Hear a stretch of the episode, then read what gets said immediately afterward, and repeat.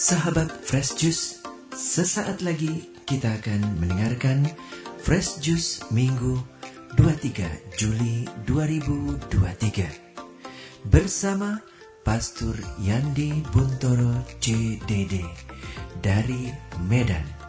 Selamat mendengarkan.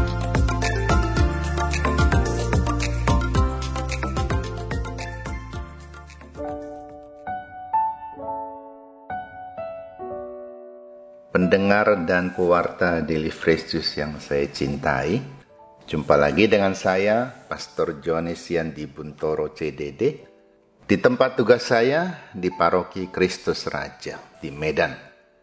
Injil kita pada hari ini dari Matius bab 13 ayat 24 sampai dengan 43. Yesus membentangkan suatu perumpamaan lain lagi kepada mereka, katanya, Hal kerajaan surga itu seumpama orang yang menaburkan benih yang baik di ladangnya. Tetapi pada waktu semua orang tidur, datanglah musuhnya menaburkan benih lalang di antara gandum itu, lalu pergi. Ketika gandum itu tumbuh dan mulai berbulir, nampak jugalah lalang itu.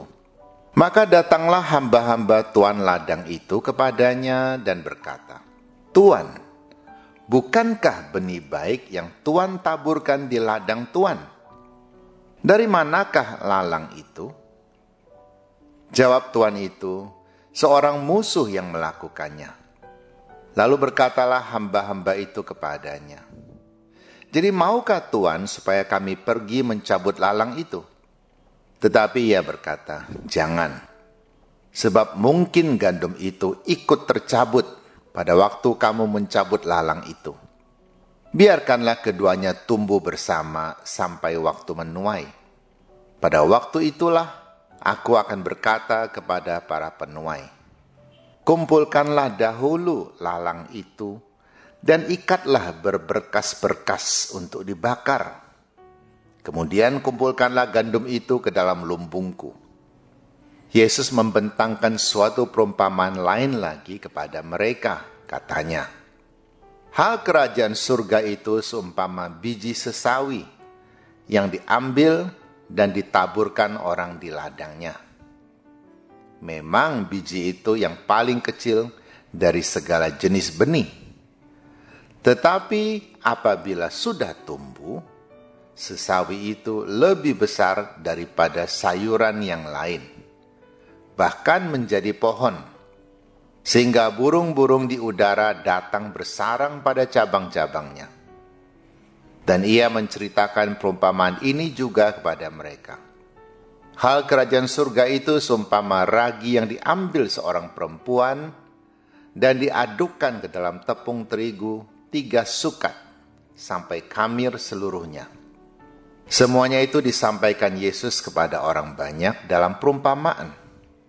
Dan tanpa perumpamaan suatu pun tidak disampaikannya kepada mereka, supaya genaplah firman yang disampaikan oleh Nabi.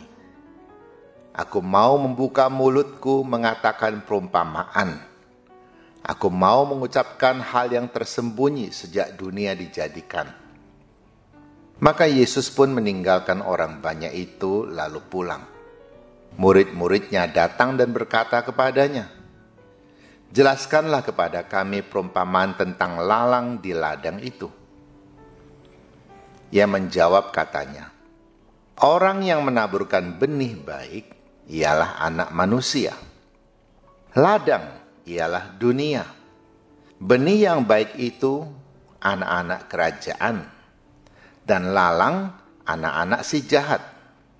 Musuh yang menaburkan benih lalang ialah iblis. Waktu menuai ialah akhir zaman dan para penuai itu malaikat. Maka seperti lalang itu dikumpulkan dan dibakar dalam api, demikian juga pada akhir zaman. Anak manusia akan menyuruh malaikat-malaikatnya dan mereka akan mengumpulkan segala sesuatu yang menyesatkan dan semua orang yang melakukan kejahatan dari dalam kerajaannya. Semuanya akan dicampakkan ke dalam dapur api. Di sanalah akan terdapat ratapan dan kertakan gigi. Pada waktu itulah orang-orang benar akan bercahaya seperti matahari dalam kerajaan Bapa mereka.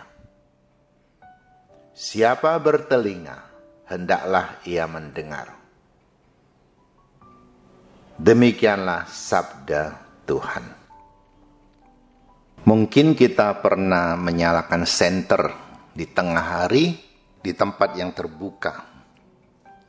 Senter kita kelihatannya tidak terang, tidak ada artinya dibandingkan dengan sinar matahari. Artinya tidak diperlukan untuk membaca karena sinar dari matahari sudah jauh lebih dari cukup. Itu berbeda kalau kita menyalakan lilin atau senter ketika hari mulai senja. Matahari sudah sangat berkurang sinarnya. Maka akan nampaklah cahaya yang kita pasang itu. Lebih-lebih ketika malam menjelang, lebih nampak lagi. Hari ini dalam bacaan kita mendengar ayat terakhir. Pada waktu itulah orang-orang benar akan bercahaya seperti matahari dalam kerajaan Bapa mereka. Hari ini saya tidak fokus kepada ketiga perumpamaan itu. Saya berfokus hanya kepada bercahaya. Karena kita sudah biasa mendengar penjelasan tentang ketiga perumpamaan itu. Jadi kapan orang-orang benar bercahaya? Atau cahayanya seperti matahari? Yaitu ketika orang-orang yang gelap disingkirkan. Maka akan nampaklah bahwa kita sungguh-sungguh orang benar di hadapan Tuhan. Ketika kita masih hidup di dunia, di sekeliling kita tidak sedikit orang-orang kegelapan, orang-orang yang berpikir negatif, orang-orang yang berpikir bagaimana caranya untuk menyingkirkan orang baik, bagaimana caranya mereka tidak dikritik meskipun mereka berbuat salah. Bagaimana caranya mereka membodohi anak-anak terang. Penampakan itu seperti ketika kita menyalakan lilin di tengah sinar matahari. Kita sudah berusaha hidup benar, berusaha hidup terang. Tetapi kegelapan masih lebih berkuasa lebih-lebih ketika kita sendiri pun terpengaruh oleh kegelapan itu. Makin hilanglah cahaya kita. Itu seperti orang menanam benih yang baik, tetapi terhimpit oleh lalang-lalang yang bertumbuh lebih cepat, menyerap nutrisi lebih banyak, sehingga benih yang baik tidak bisa bertumbuh dengan baik. Jadi hari ini Yesus ingatkan pada kita, bukannya anak-anak terang tidak mampu memancarkan terang, tetapi ada bahaya yang sangat besar yang mengancam kita, yaitu kegelapan di sekitar kita itu. Yang bahkan bisa menyeret kita yang semula terang ke dalam gelap. Mereka bisa datang dengan godaan yang menarik hati, tapi juga bisa datang dengan ancaman. Lebih-lebih ketika kita sudah membuka celah hati kita untuk memutuskan berbuat jahat.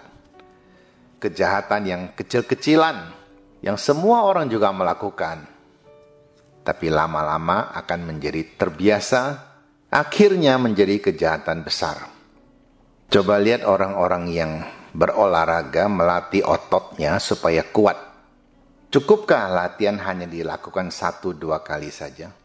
Tidak cukup.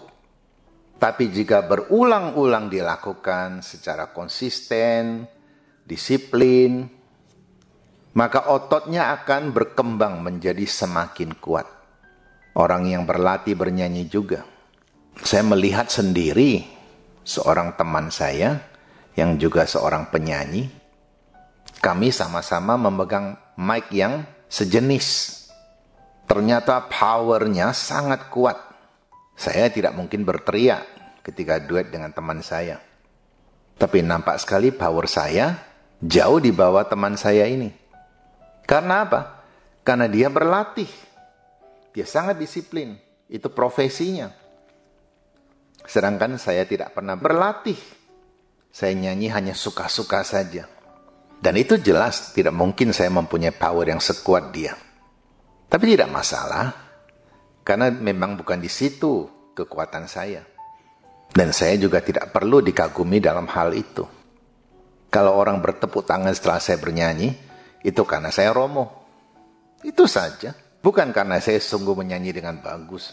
Ah, jauhlah. Artinya, suatu kekuatan akan terbentuk kalau kita melakukan latihan yang berulang-ulang.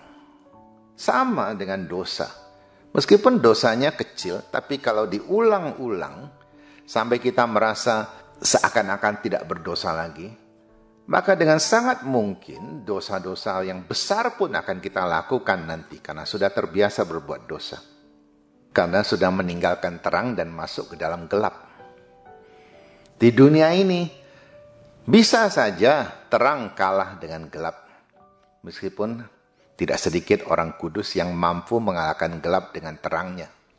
Tetapi pada saat kita menghadap Tuhan pada penghakiman yang terakhir, Di situlah ketika orang-orang gelap sudah disingkirkan, terang kita sungguh nampak.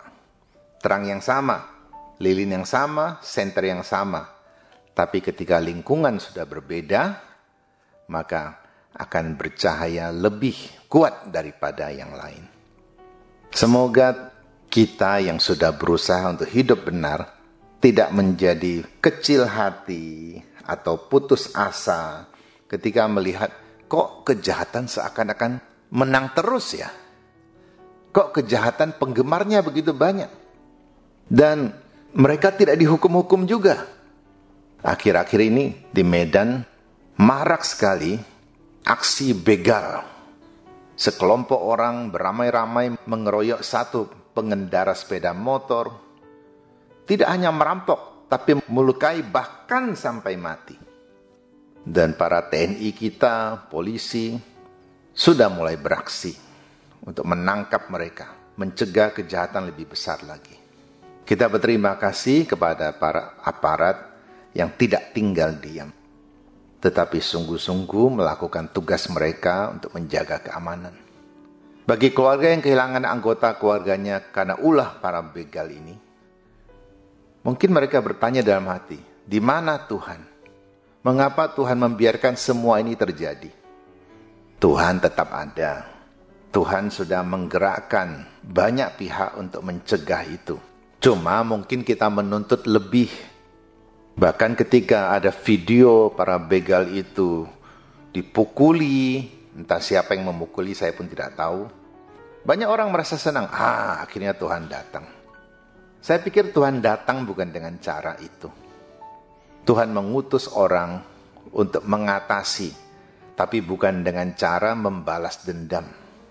Balas dendam sering kali membuat orang merasa puas hati.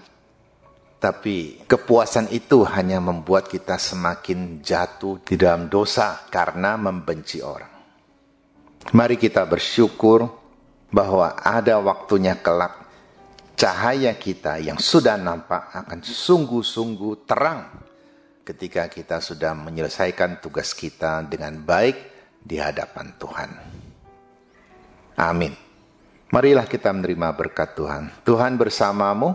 Semoga Allah yang Maha Kuasa memberkati Anda dan keluarga Anda, Bapa, Putra, dan Roh Kudus. Amin. Sahabat Fresh Juice, kita baru saja mendengarkan Fresh Juice Minggu 23 Juli 2023. Terima kasih kepada Pastor Yandi Buntoro untuk renungannya pada hari ini. Sampai berjumpa kembali dalam Fresh Juice edisi selanjutnya. Tetap semangat, jaga kesehatan, dan salam Fresh Juice.